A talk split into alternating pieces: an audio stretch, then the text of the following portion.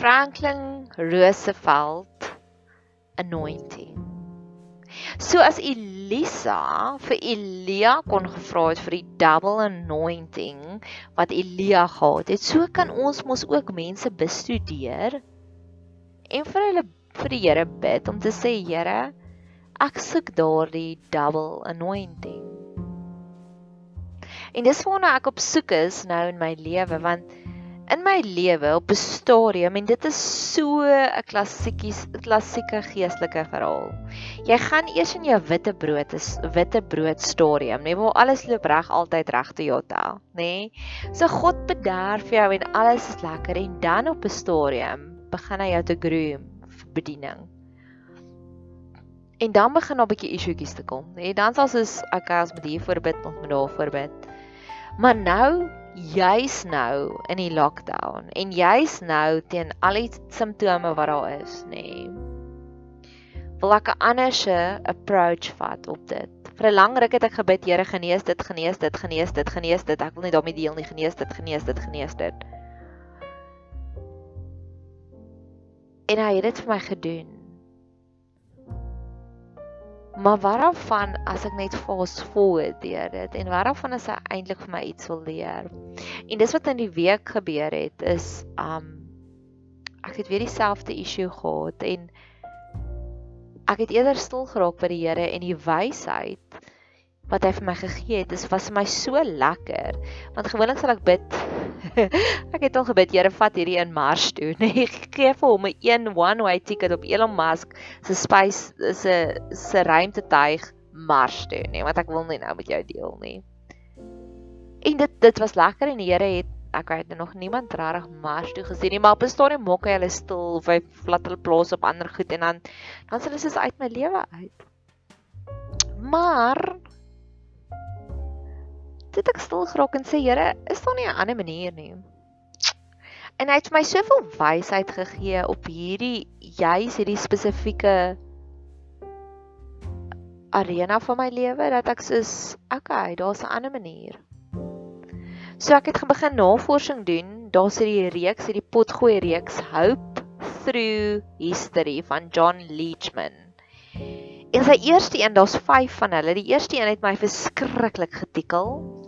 Nommer 2 en nommer 3 dink ek was dit was goed, maar die eerste een oor die groot depressie en hoe merkwaardig en en anders Roosevelt dit bespreek het, het regtig my hartsnare aangeraak.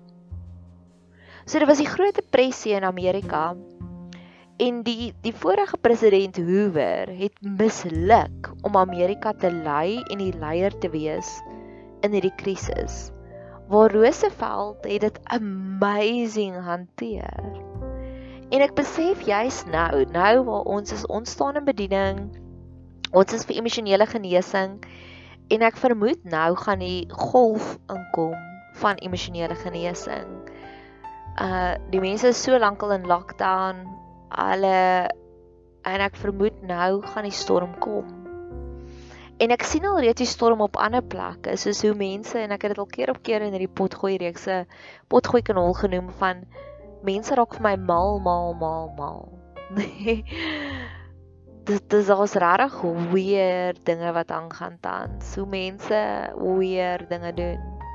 En in plaas daarvan om weg te hardloop of te bid, Here, vat hulle weg, genees hulle, steek hulle weg, bring hulle eers terug voel ek dalk wil ek bietjie nou 'n hoërskool student raak en bietjie meer betrokke raak. En dis vir die Hoover en die Roosevelt storie my so geraak het want ek het gaan analiseer hoekom het Roosevelt sukses bereik te midde die groot depressie en hoekom het Roosevelt ag hoekom het Hoover so groot misluk? En dit was Viktor Frankl se grootste vraag ook. Viktor Frankl wat in die konsentrasiekampe was en die Holocaust was. En hy is 'n sielkundige of 'n psigiater, ek is nie seker nie, en 'n skrywer. En hy het die vraag gevra van hoekom het sekere mense deur die Holocaust oorleef en ander het nie. En hy het gesê dis liefde en dis geloof wat jou daardeur trek. En op 'n manier is dit dieselfde met die Roosevelt storie ook. Dis ook liefde en geloof wat hom daardeur getrek het. En dis waaroor ek nou wil gesels want ek is op soek na daardie double anointing. As God dit vir Roosevelt kon gedoen het, weet ek hy kan dit vir my en vir jou ook gee. Die eerste ding wat ek opgetel het in die verskil tussen Hoover en Roosevelt is Hoover het die probleem van die Groot Depressie kleiner gemaak. Waar Roosevelt het dadelik 'n komitee aangestel en gesê hy soek al die harde feite. En Roosevelt het besef want Hoover het gedink daar's omtrent 2 miljoen mense wat nie werk het nie en Roosevelt se komitee het vir hom kon sê daar is 13 miljoen mense wat nie 'n werk het nie.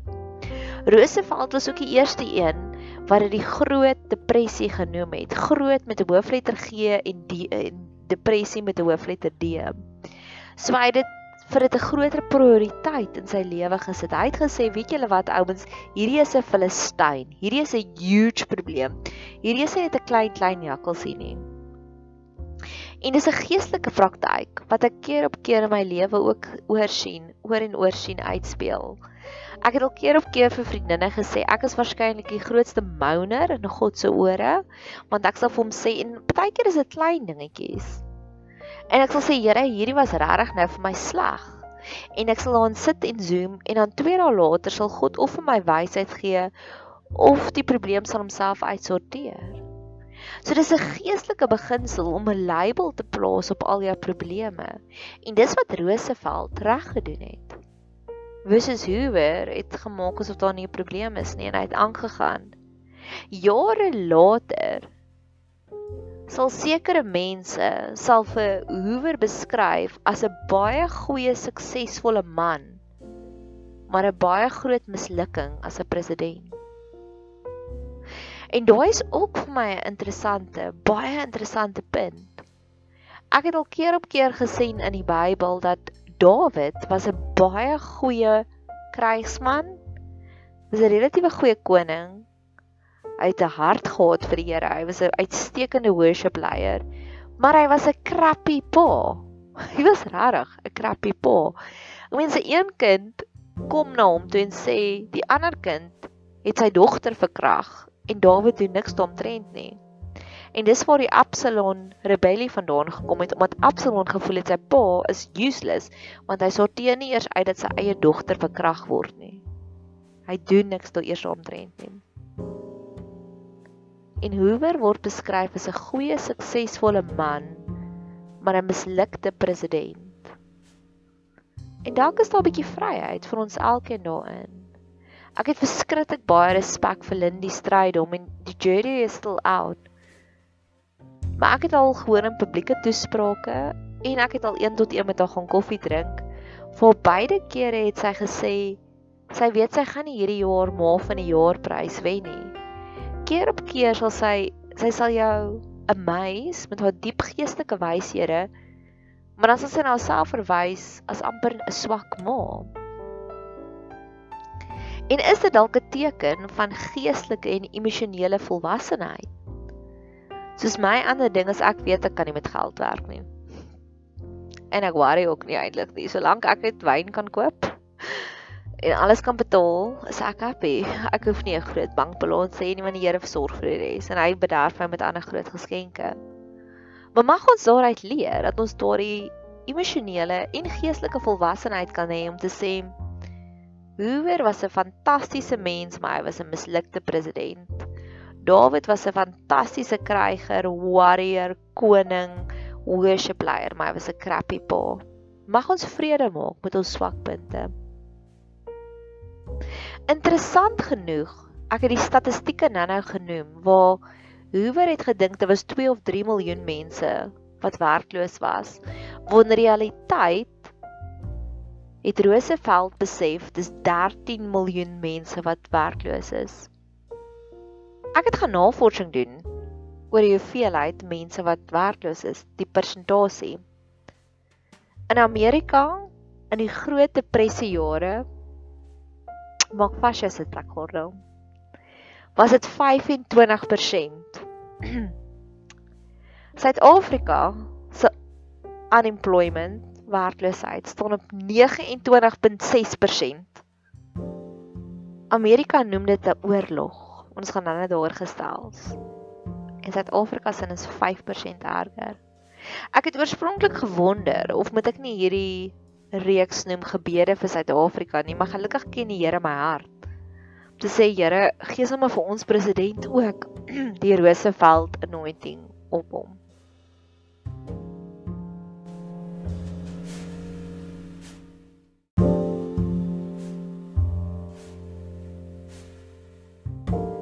Nog 'n geestelike doggy bag wat ek gevat het van The Hope Through History van John Mitchum.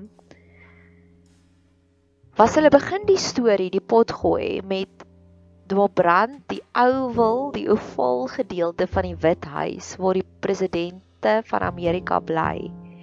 Brand af op die dag net na Kersfees op 1929.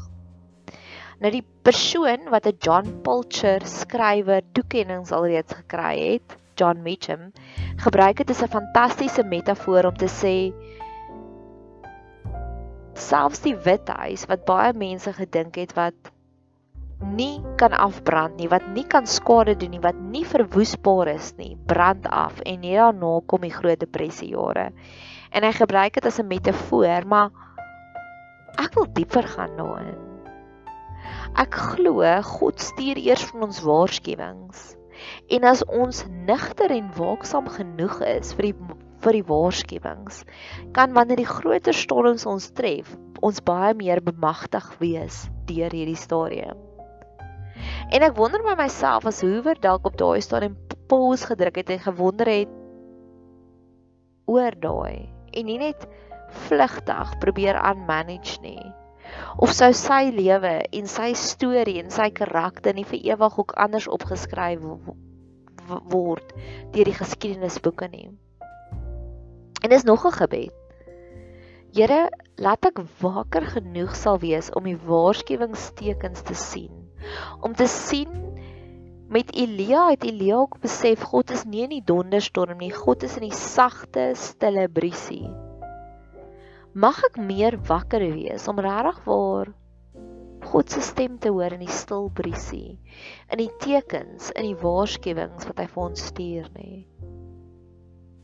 Ons laaste gas wat ons nou gehad het by Betseber, het my op 'n manier voorberei vir die intense reis waarop ek tans is met iemand anders.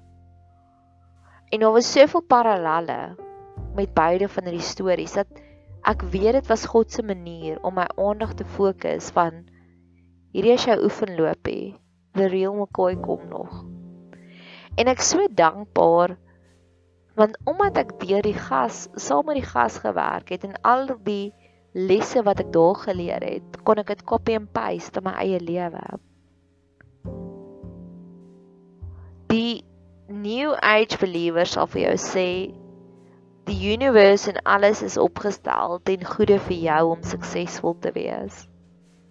En dis waarskynlik waar. Ek sien dit nou weer as God wat so graag wil hê ons moet 'n oorvloedige, vol, ryk lewe hê. Dat hy sal alles gebruik, enige teken, selfs 'n wit huis wat afbrand om vir ons voor te berei. Hy stuur ons nie uit want dit is 'n oorlog hier onder. Ons gaan dan net praat oor oorlogte sonder die regte wapens nie. Maar ek dink baie keer vat ons net nie die tyd om te leer hoe werk daai wapen nie. Wat interessant was, die skrywer van hierdie um potgooi reeks noem dan daarop dat die twee ander uitwegte wat Roosevelt gehad het op daai stadium was of totalitarianism en ek moes eers gaan Google wat dit beteken en dit beteken jy is totaal en al onderdanig aan die staat versus kommunisme. Want die ander plekke wat nou alreeds geval het deur die groot depressie het verval in totalitarianism of kommunisme. En dit was moontlik, ek dink as iemand soos Hoover langer president was, sou Amerika waarskynlik ook verval het daarin. So Roosevelt het ingekom en hy het amazing maniere die land gelei en hy het hulle beskerm teen daai twee groot gevare. Dit laat my weer dink aan Suid-Afrika en weer eens hoekom ek dalk 'n gebed vir Suid-Afrika wou gemaak het. Want Suid-Afrika het relatief skotvry, relatief deur die pandemie gegaan. Maar ek sit er om te dink wat gaan ons langtermyn gevolge wees van die ekonomie wat so in sy moeder is. Ek sê jammer ek weet dit is 'n geestelike potgooi, maar daar's vloekwoorde in die Bybel ook so. en weer eens gee ons dit aan die Here. Ons het foute gemaak. Ons het waarskynlik nie genoeg gebid vir ons president vir wysheid nie. En ons bely dit en ons sê Here kom help ons asseblief. En net soos wat hy wysheid gegee het vir Roosevelt dat die e-, enigste ander uitwegte was totalitarianisme en kommunisme. Totalitarianisme dink ek het gebeur in Italië en in Duitsland op daai stadium. En kommunisme wat in Rusland gebeur het. En ons weet wat dit met die totalitarianisme gebeur op die einde van die dag onder Hitler. Want hierdie was voor die Tweede Wêreldoorlog wat ek ook wil sê is en dis een van my gunsteling speletjies wat ek met myself speel. Ek was verlede week weer in 'n stadium wat ek was tussen twee vure en geen nie om of ek links kies en of ek regs kies nie. Daar was moontlike risiko situasies.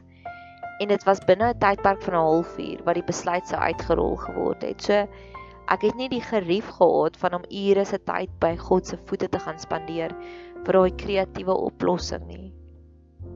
En ek het my vriendinne gebel en ek het vir haar gesê so hierdie het nou net gebeur in my lewe. So opsie A is dit en opsie B is dit. Toe sê ek vir sy ek gaan opsie B vat want die ander alternatief is opsie A gaan iemand baie seer maak en ek sien nie kans daarvoor nie. So opsie B is 'n bietjie van 'n dobbel en dit kan dalk kan blow up in my face. Maar daar's 'n kans dat dit kan goed uitwerk. Waar die ander een gaan ek waarskynlik die blou op in jou face mis, maar ek gaan verseker wonde doen. En so baie keer sal ek myself vra wat die alternatief? Ons staan in bediening en daar's al baie mense wat al baie keer 'n vingers my gewys het oor dinge wat ek nie reg doen nie. En as dit klein dingetjies. En dan baie keer sal ek net vir hulle sê, weet jy wat, die alternatief is 'n wêreld sonder die huis en dit daai wêreld is nie vir my 'n goeie plek nie. So ja, jy's reg, ons kan werk aan dit, ons kan werk aan dit, ons kan daai tweak. Maar die alternatief is nie vir my beter af nie. So mag ons leer om daardie besluitnemers ook te maak. Ek en my vriend, my katedraal vriend wat 'n baie privaat mens is, so dis hom baie erg om te weet dat omdat ons 'n bediening staan In ons gemeenskap, en dis 'n klein gemeenskap, weet baie mense wie ek is sonder dat ek ja. So ek het ek en hy het eendag 'n gesprek gehad toe sê ek voel met ons plaaslike watergat drinking hall hierso is um Crossroads. En ek het hom gesê dis hoekom ek nie daarvan hou om by Crossroads te gaan sit en wyn drink nie, want die verkeerde mense sien jou net. Nie dat ek 'n skelm wyndrinker is nie, maar ek verkies dit om eerder in die huis te sit en wyn te drink waar my vriendinne is. En hy sê sy eerste antwoord was vir my, "Oef, publieke figure, ek sien nie kans daarvoor nie." Sê ek sê hom, "Jy is reg, ek sien ook nie eintlik kans daarvoor nie, maar wat is die alternatief?" Die alternatief is is dat 'n wêreld sal wees sonder 'n huis van hoop. En daarvoor sien ek nie kans nie. So mag jy ook leer om vir jouself daardie ruimte te gee van Oké, okay, ek is nou in hierdie posisie, maar wat, was my alternatief? En baie keer as jy agterkom, en baie keer maak ons baie keer die verkeerde besluit. En baie keer met mense veral wat in skuld gedompel is, kan hulle self so blameer, maar daar was nie 'n alternatief nie. En ons gaan nou ook daaroor gesels of dalk moet ek dit sommer nou gesels. Skuld, maar die alternatief verwyder die skuld. Roosevelt het besef dat baie van die mense met wie hy gewerk het, baie van sy burgers van sy land het met 'n intense skuldgevoel gesit. En dit was 'n onreëlmatige, onbillike skuldgevoel. Want hulle het so skuldig gevoel as die man en die pappa van die huis dat hulle nie vir hulle familie kon sorg nie.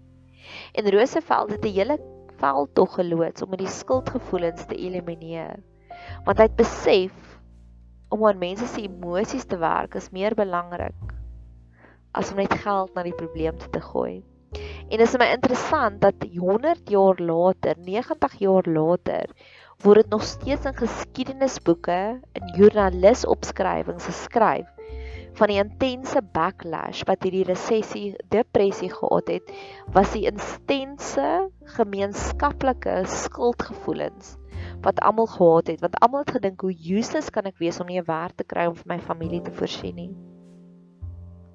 En ek weet nie wat gaan die gesamentlike whiplash whiplash emosie wees van ons nie wat nou uit lockdown uitkom nie. Maar nou moet een of ander dit sal verseker een of ander demoniese werking kragte wees. Kragte werking wees wat ek al Want as ek gesê het is ek ervaar dat die mense raak vir my mal mal mal. Ek het dit nou al keer op keer gesê. Ek sien dat die onderskeid raak al groter. Die mense wat so bietjie goeie mense was, is na die lockdown rockstars. Ek hang aan mense se lippe. Die wysheid wat gekultiveer is in lockdown is my wow en overwhelming. En die hoeveelheid goedheid wat ek sien van mense is ook vir my overwhelming en wow. Maar kyk, die hoeveelheid kere wat ek nou moes konflik hanteer, bestuur begin want iemand is ook dis dis eksponensieel meer as wat dit normaalweg in my lewe is. So daar's 'n skuld, daar daar's iets. Daar's iets en ek wonder daaroor. Hulle het later besef dit was skuldgevoelens want hulle het besef Roosevelt en sy komitee dat die mense hulle spring nie in aksie nie. Dit het hulle agterkom maar dis omdat die mense soveel skuldgevoelens het en hulle dit gaan adresseer. So ek wonder wat's ons in.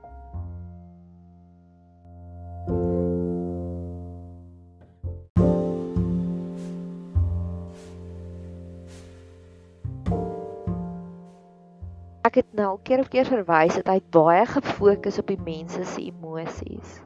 So in sy heel eerste toespraak het hy gesê the greatest fear is fear itself. En dis kom ek dalk meer ek langer ek tyd spandeer in hierdie pot gooi dat ek regtig gaan dink ek gaan dit noem dit vernoem na die gebed vir SA. Want dis iets wat ek wat in bediening staan en wat werk met mense se emosies hoofsaaklik besef daai link. Besef dat dis makliker vir 'n student om te presteer as haar hartjie gesond is. Ek besef daai link van dis makliker vir 'n werknemer om hulle ekstra effort te gee as hulle hartjies gesond is.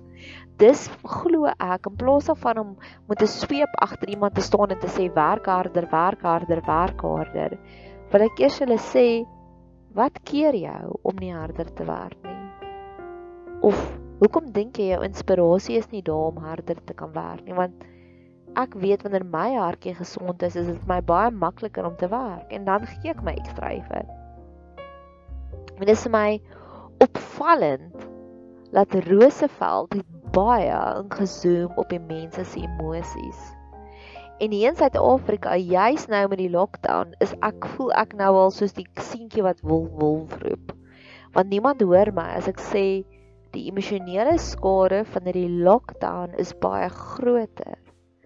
Net soos wat baie mense sê die ekonomiese skade van hierdie lockdown is baie groot en ek weet dit, so sê ek ja, maar weer eens adresseer eers die mense se emosies uit en dan gaan ons die ekonomie regkry en dan gaan ons die virus kan fight. Waar nou Dis eintlik so sickening as jy daaraan dink. Nou word daar vir mense voorgeskryf en ons is nou al ligter wat jy mag beweeg. So ewe skielik as jy in 'n emosionele tronk, die emosionele tronk en jou emosies maak dat jou dat jou dat jou um ag man, dat jou immuniteit verlaag. Jou spanningsvlakke oor hoe gaan jy vir jou gesin kan voorsien wanneer die ekonomie is dood, dit maak ook dat jou immuniteit verlaag. So we are not fighting this virus. We did not fight this virus the right way. Dit is regtig maar 'n godswonder dat ons so lig geraak is hierdeur. En dalk is daar nog 'n godswonder op pad. Wie weet. So ja, dis my opmerklik hoeveel kere Roosevelt uit die skuldgevoelens geadresseer.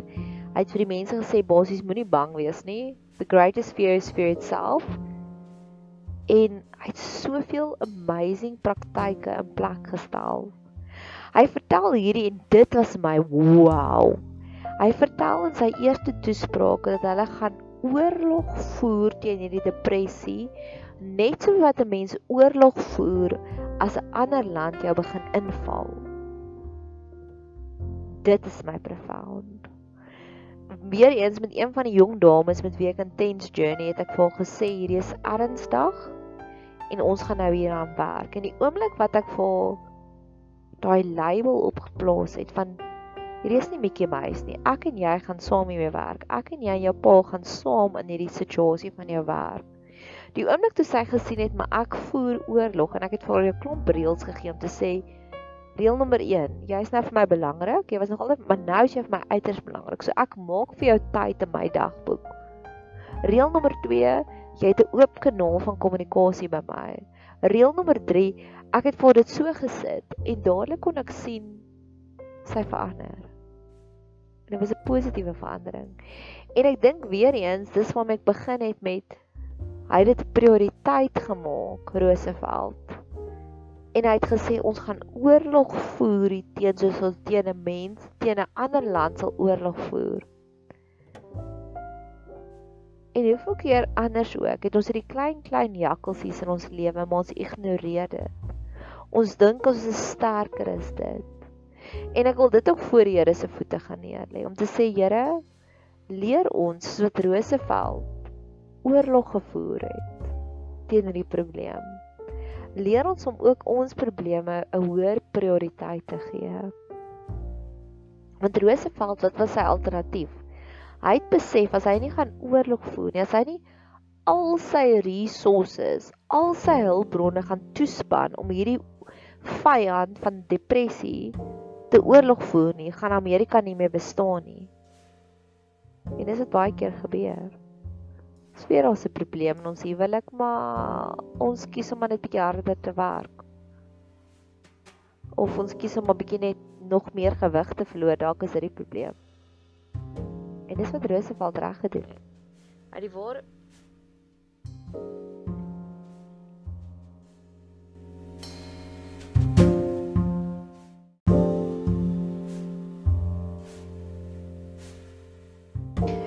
verlede jaar toe Amy Lee die jager weggeraak het, het ek na een van die opskrywings gekyk in um netnuus, die kommentaare wat die mense gelewer het. En terwyl sy weg was, het daar hierdie vreemde man wat haar glad nie geken het nie, het hy vir haar gesê, "Amy Lee die jager, ek sal 'n toring vir jou uitklim om te verseker dat jy kom veilig terug by die huis." Nou daardie opmerking het my so diep aangeraak want ek dink ek aan myself ek sal 'n toring uitklim vir mense om emosionele genesing te kry. Hoekom tree ons so radikaal op wanneer iemand se fisiese se vleeslike lyf, se liggaam in bedreiging is, maar ons loop met ek wil nie sien nie donker brille rond wanneer iemand emosioneel seer kry.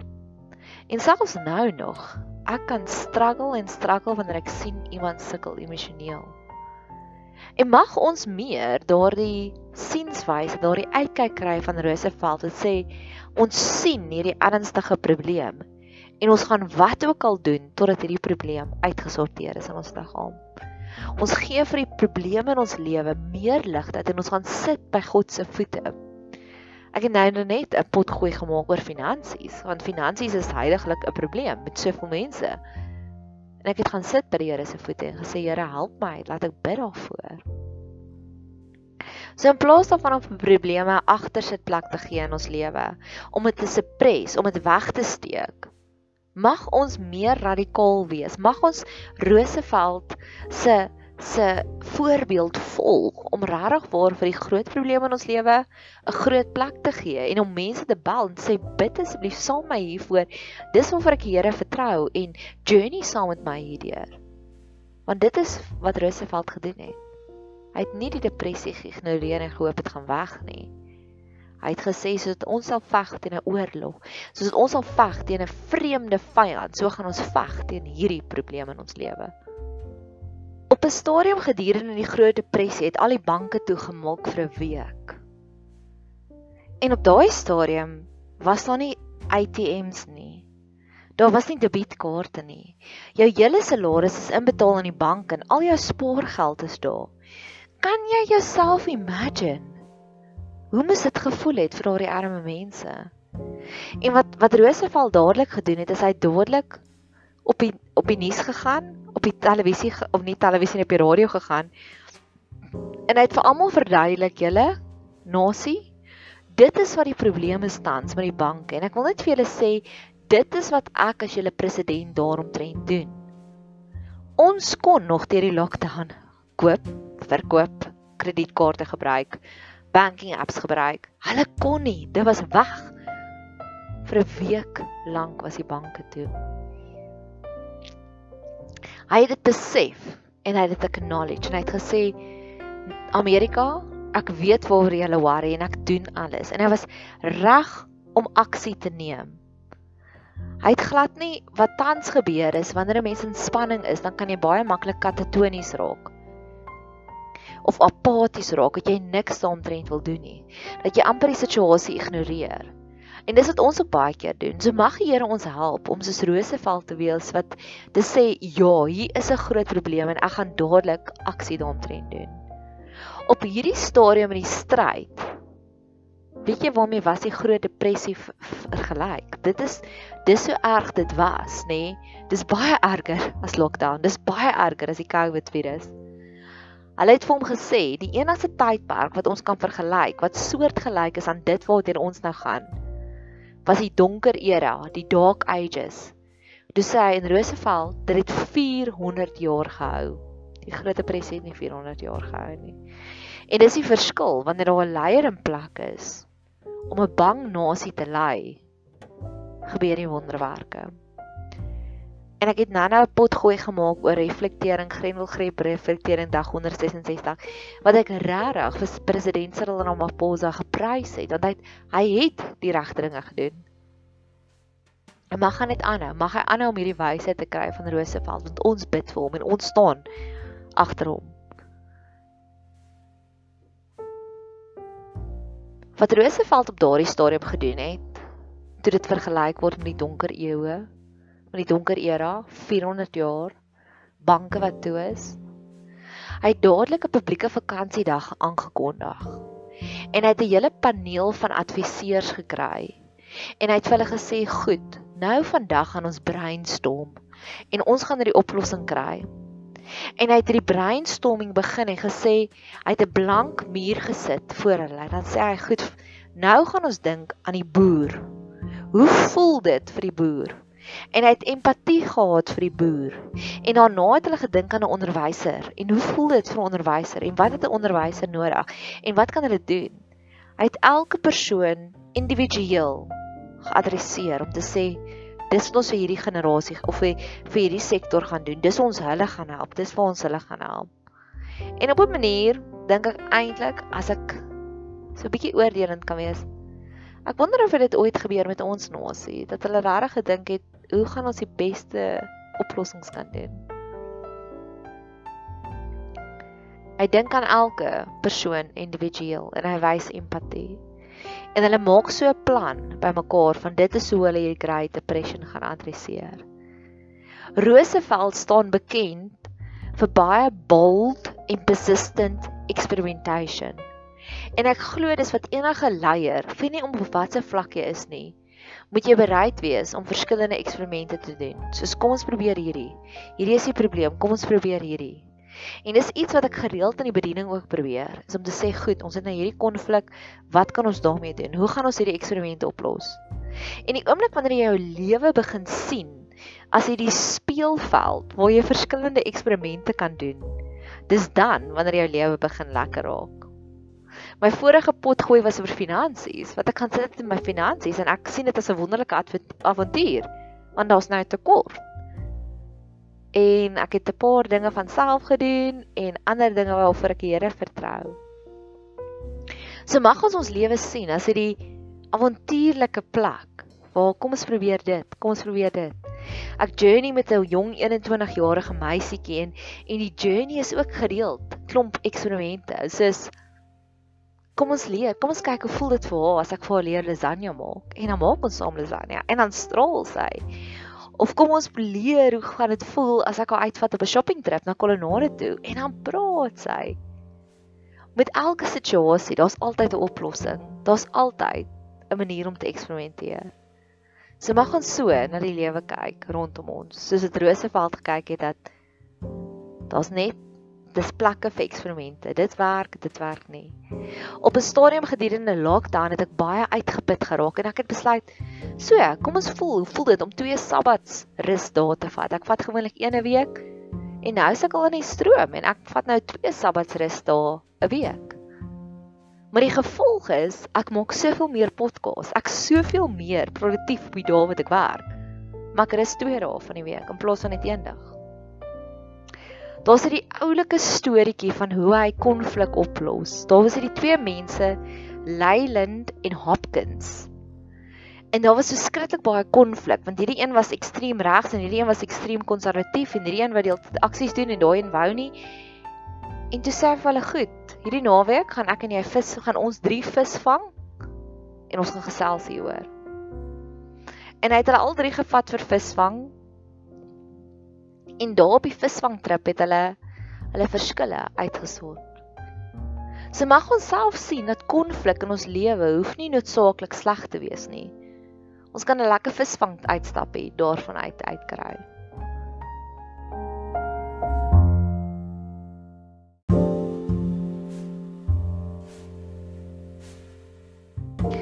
Nog iets wat hy gedoen het wat so pivetaal is en is so mooi En dis iets wat ek nou al begin implementeer het in my eie lewe met ons bediening. Is hy gereeld een keer elke 2 weke het hy op die radio gegaan en dan het hy vir hulle 'n storie vertel van dit is waarmee hy besig is, maar hy het dit in 'n storie vorm vertel. En op 'n stadium sou mense dit begin noem het, label het fireside tales. Want iets gebeur met 'n storie en Jesus het ook heeltyd gelykenisse vertel. 'n Storie laat ons nie so bang wees soos die feite nie. 'n Storie laat jou sien wie jy is in die verhaal, as jy die rooi kappie as jy die wolf as jy die ouma. En jy voel meer gemaklik met jou met jou huidige posisie. So hy het storievertelling ingebring en elke 2 weke sou hy gepraat het op die radio om te sê: "Liewe Amerika, dis wat ons tans doen." En dis waarna ons werk. So hy het gereeld met die mense gepraat En ek glo daar's soveel krag daarin. Want iets gebeur wanneer jy begin praat oor jou drome. Dit dit aktiveer iets. So mag jy dit ook doen. En in ons bedieningsspan het ek dit nou begin doen wat ek een keer elke 2 weke stuur ek 'n storieetjie uit om te sê dis wat aangaan met ons bediening en ons het al soveel nuwe dinge wat ons begin het en nuwe projekte en maniere ons uitgebrei het want die span ewe skielik verstaan my visie en hulle bring hulle eie dinge na die tafel toe. Om 'n storie te vertel is soos om 'n bring en braai te reël. Ek nooi jou en ek sê kom braai vanaand by my en ek gee 'n broodjie en jy sê goed, ek sal my vleis bring en ek sal 'n mengelslaai bring en die ander een bring 'n noedelslaai en die ander een bring malva. En saam met ons 'n groot fees en nie een van ons het 'n hart gewerk nie en dis hoe 'n storie werk. Daar's 'n storie van die bonus weermag. So daar was hierdie weermag soldate wat uit die Eerste Wêreldoorlog uit het hulle nee, dit was die Vietnamoorlog. En die die Amerikaanse regering het vir hulle beloof, hulle gaan 'n bonus kry om te akkommodeer en te werk met die PTSD wat hulle ervaar het van die Vietnamoorlog. En voor die Withuis het hulle gaan proteseer om te sê julle skuld ons 'n bonus. Maar onthou daar was nie geld op daardie stadium om die bonus te betaal nie. Maar die mense, die bonus weermag, die weermagmanne het aan PTSD gelei. Hulle het gesukkel om aan te gaan met hulle lewe. En met die president voor Roosevelt, Hoover, toe die, toe die weermag kom om te protes, toe stuur Hoover 'n ander weermag uit om hulle te skatter. En dit het die nasie en die publieke image van Amerika baie seer gemaak. Want hoe ironies is dit wanneer een weermag 'n ander weermag moet gaan uitmekaar uitskiet en julle albei veg vir dieselfde land. Toe Roosevelt president was, toe het die bonus weermag weer gekom en gesê julle skuld ons ons bonus. En Roosevelt het geweet hy het nie op daai stadium die geld om dit te betaal nie. Maar hy het ook besluit hy gaan nie skade doen met hulle nie. En Roosevelt het sy vrou uitgestuur en gesê gaan praat jy asseblief met hulle. En sy het met hulle gepraat en sy het saam met hulle vis geëet uit 'n visblikkie uit. En hulle het gelag en hulle het 'n Coke gedeel. En sy het hulle harte gewen. En sy het gesê ons weet van julle bonusse en ons weet swaar kry julle tans maar werk asseblief net saam met ons. Gee ons net so klein bietjie meer van 'n genade spasie. En die bonus weermag het nooit weer geprotesteer nie. Want op 'n stadium het hulle hulle se bonusse gekry jare later eers. Maar omdat hulle met menslikheid behandel is, het hulle die genade spasie gegee vir die kabinet om die geld in te samel. En baie keer veg ons mense met swaarde. En ons veg mense met harde woorde. En eintlik al wat ons kan doen is om die menslikheid te wees. So mag ons altyd die mevrou Roosevelt benadering vat. In enige plek waar iemand iets van ons verwag wat ons hulle eintlik skuld. Maar ons weet ons is nou in die posisie om dit te kan gee nie. Die laaste ding wat vir my uitgestaan het. Nee, dis eintlik die laaste een nie. Daar's eintlik nog baie keer op keer moes Roosevelt geveg het teen mense wat sy presidentskap wou hom gesteel het. En dis my baie ironiese punt want hulle het twee strategieë gehad, die revolusionêre. Hulle het uit en uit exploit the faces of hatred. En hulle het vrees versprei. En dis wat tans gebeur. En dis wat dit so skerry maak want jy sien al die exploitation of hatred. In Suid-Afrika, dink aan die Kliksding. In Amerika, dink aan George Floyd en die tweede persoon wat ook nou vermoor is deur die polisie. En jy sien dit die hele tyd op die nuus. En dis propaganda. En om vrees. Die volgende vrees wat hulle nou wil doen is om te sê daar kom 'n tweede golf van COVID reg oor die wêreld. En ek het al weer gehoor van Israel wat weer in lockdown is. En mag ons dit sien as net 'n strategie, want Paulus skryf ons is nie onbekend met die vyand se planne nie. En dis die vyand se planne. Om 'n land omver te gooi, is daar twee strategieë. Hulle herinner ons die hele tyd dat daar's haat, daar's rassehaat. En hulle herinner ons heeltyd ons het rede om bang te wees. En mag ons deur dit sien. Daar's sekere mense wat sê omdat Roosevelt polio gehad het in 1921s in sy laat 20s het dit vir hom 'n gees gegee wat die hele tyd gesê het hoop. Hy kan die hele tyd hoop en optimisme gee. En ek kan daarmee saamstem want die mense wat die meeste suffering in hulle lewe gehad het soos Roosevelt het polio gehad het Dis my gunsteling mense. Mense wat al reeds deur trauma gewerk het en suksesvol daardeur gewerk het en die harde werk gedoen het. Dis my gunsteling mense. Vir die mense wie ek die liefste is. As ek terugkyk uit hulle lewe, dit was nie 'n lewe van smooth sailing nie. Dis 'n lewe van 'n man wat gesterf het op 'n baie jong ouderdom. Dis 'n lewe van 'n stiefdogter wat bulimia en anoreksia gehad het. Daar is altyd iewers 'n trauma waardeur daai persoon gewerk het en wat hulle so kosbaar maak op hierdie stadium.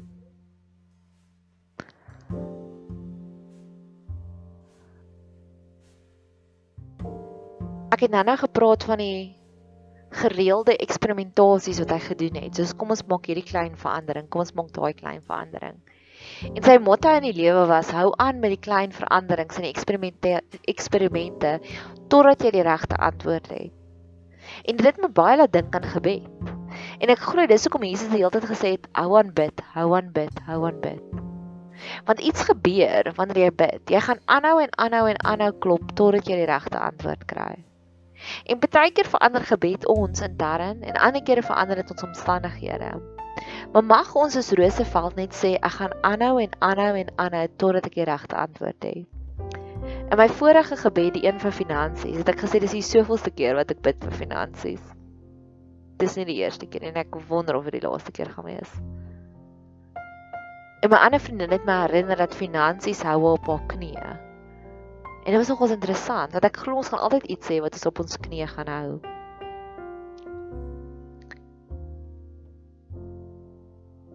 Mag ons onthou van die mense wat hoop in ons gegee het.